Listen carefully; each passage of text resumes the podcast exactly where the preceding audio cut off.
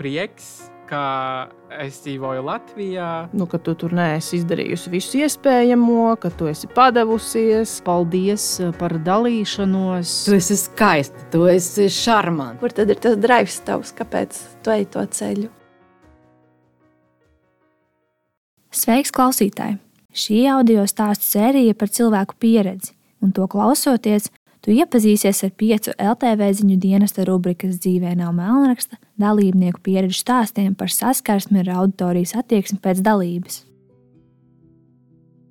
Ceturtā stāsta varone ir Karina, kas sarunā sev pieteica kā trīs bērnu mammu, kas strādā bērnu slimnīcas fondā par projektu komunikācijas daļas vadītāju. LTV ziņu dienesta veidotajā rubrikā Dzīvē nav melnraksta Karina dalījās ar stāstu no bērnības un par attiecībām ar mammu. Nu, ar mani sazinājās. Tad kāds bija varbūt ieteicis?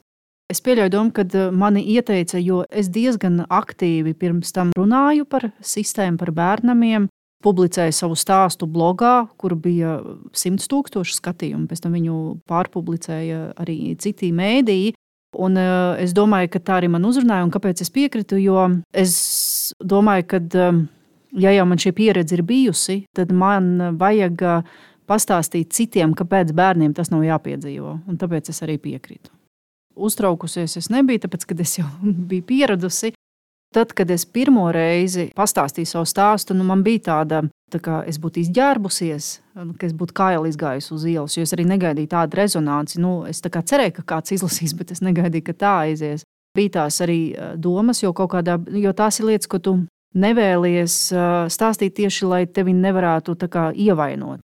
Un, bet ar laiku es sapratu, ka tajā ir kaut kas arī tāds terapeitisks, atbrīvojošs, un uh, tas ir uh, vairāk kā spēks, nevis kā vājums. Tas, ko es parasti daru, es pirms uh, katras sarunas, kuras eju, es domāju par to, kas man ir svarīgs pateikt.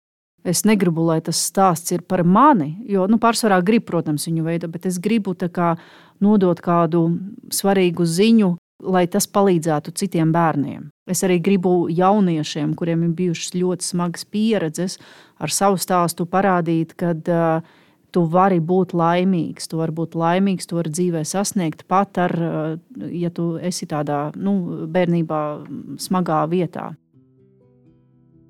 Tā nebija pirmā reize, kad Karina dalās ar savu dzīves stāstu, bet gan bērniem, gan mammai bija stāstījusi, ka ir piekritusi doties uz interviju.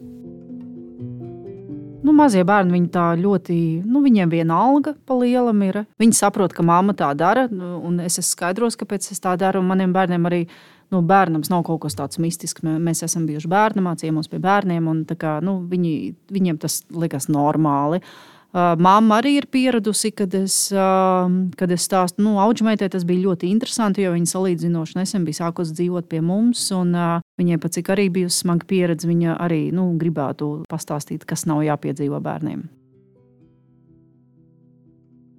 Karina saņēma gan komentārus, gan privātas ziņas, ko pārsvarā sūtīja cilvēki gados, kas izgājuši cauri vardarbīgai, līdzīgai dzīves pieredzei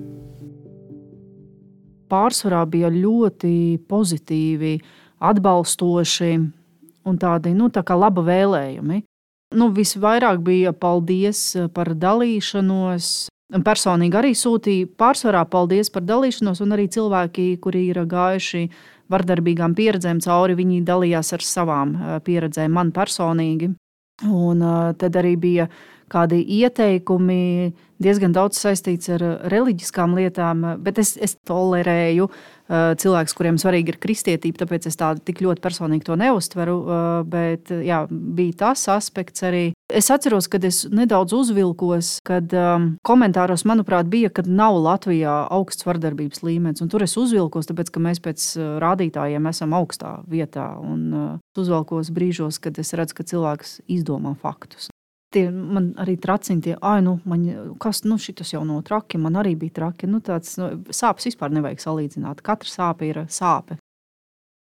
Ka bija pāris komentāri, nepa, es viņus saucu nepaķeksi, bet pa lielam pozitīva. Nu, man ir svarīgākais, lai tiešām aizdomājās, kad Neviens bērns nepiedzimst ar domu, es tagad būšu slikts. Nu, viņam ir kaut kas noticis, kāpēc viņa uzvedība ir tāda, nu, lai ir empātiskāk un saprotošāk pret bērniem.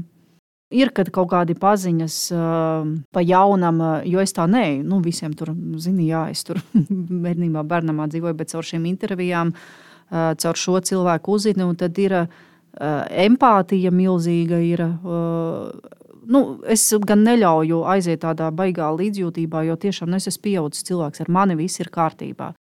Bet es nekad neko negatīvu neesmu jutusi.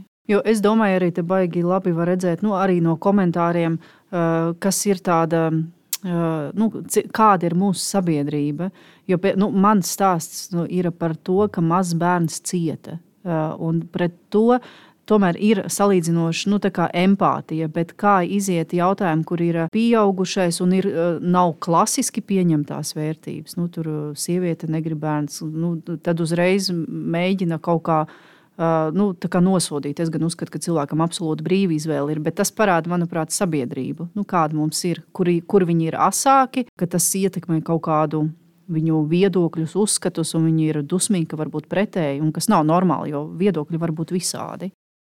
Manī neaizskata rupjas lietas, jo es tiešām uh, uzskatu, ka tas, tas nav normāli un cilvēks vispār nedrīkst tā runāt. Varbūt augstprātīgi izklausīsies, bet es pa labu esmu tam. Nu, man, bet man nebūtu problēmas arī aiziet uz tā cilvēku profilu un nu, kaut kādu hate speech uzspiest, lai Facebook viņu nobloķē uz 30 dienām. Nu, uh, internetā gribētos, lai cilvēki nes atbildību par to, ko viņi saka.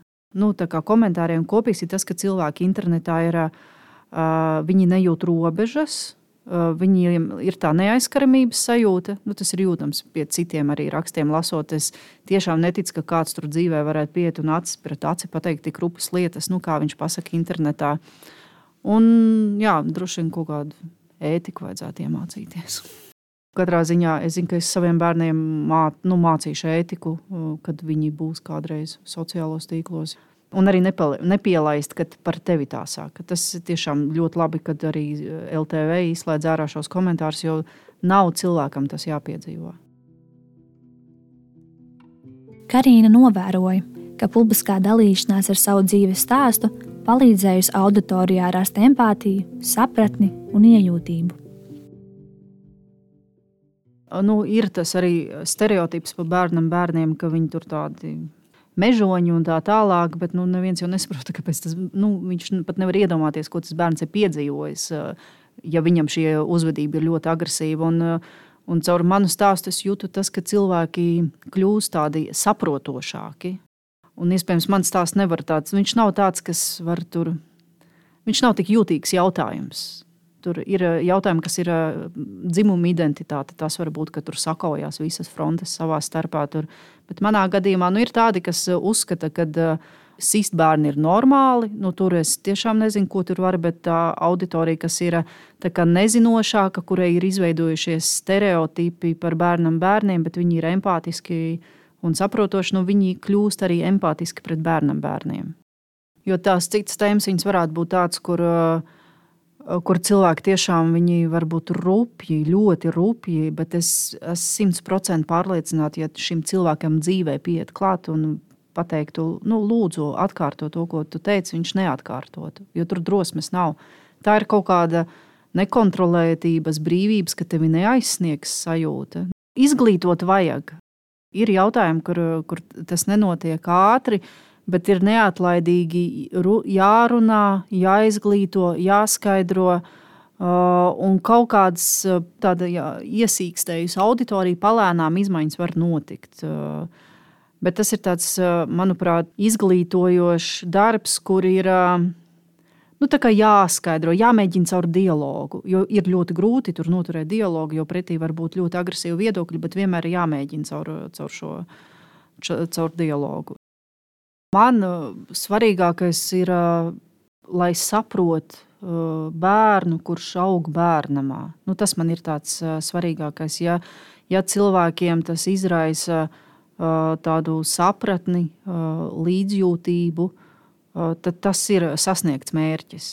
Tas, kas man kā, varbūt ne līdz galam, bet tas ir saprotami, ka tā notiek. Pārsvarā jau nu, daudzi koncentrējas tikai uz manu stāstu, bet nu, tas jau nav tas mans galvenais mesiķis, jo nu, ar mani viss ir kārtībā. Bet es caur savu stāstu gribu paskatīt, paskatieties uz tiem bērniem, kas šodien ir. Nu, mani nevajag žēlot, man tur nevajag neko, bet tiem bērniem vajag.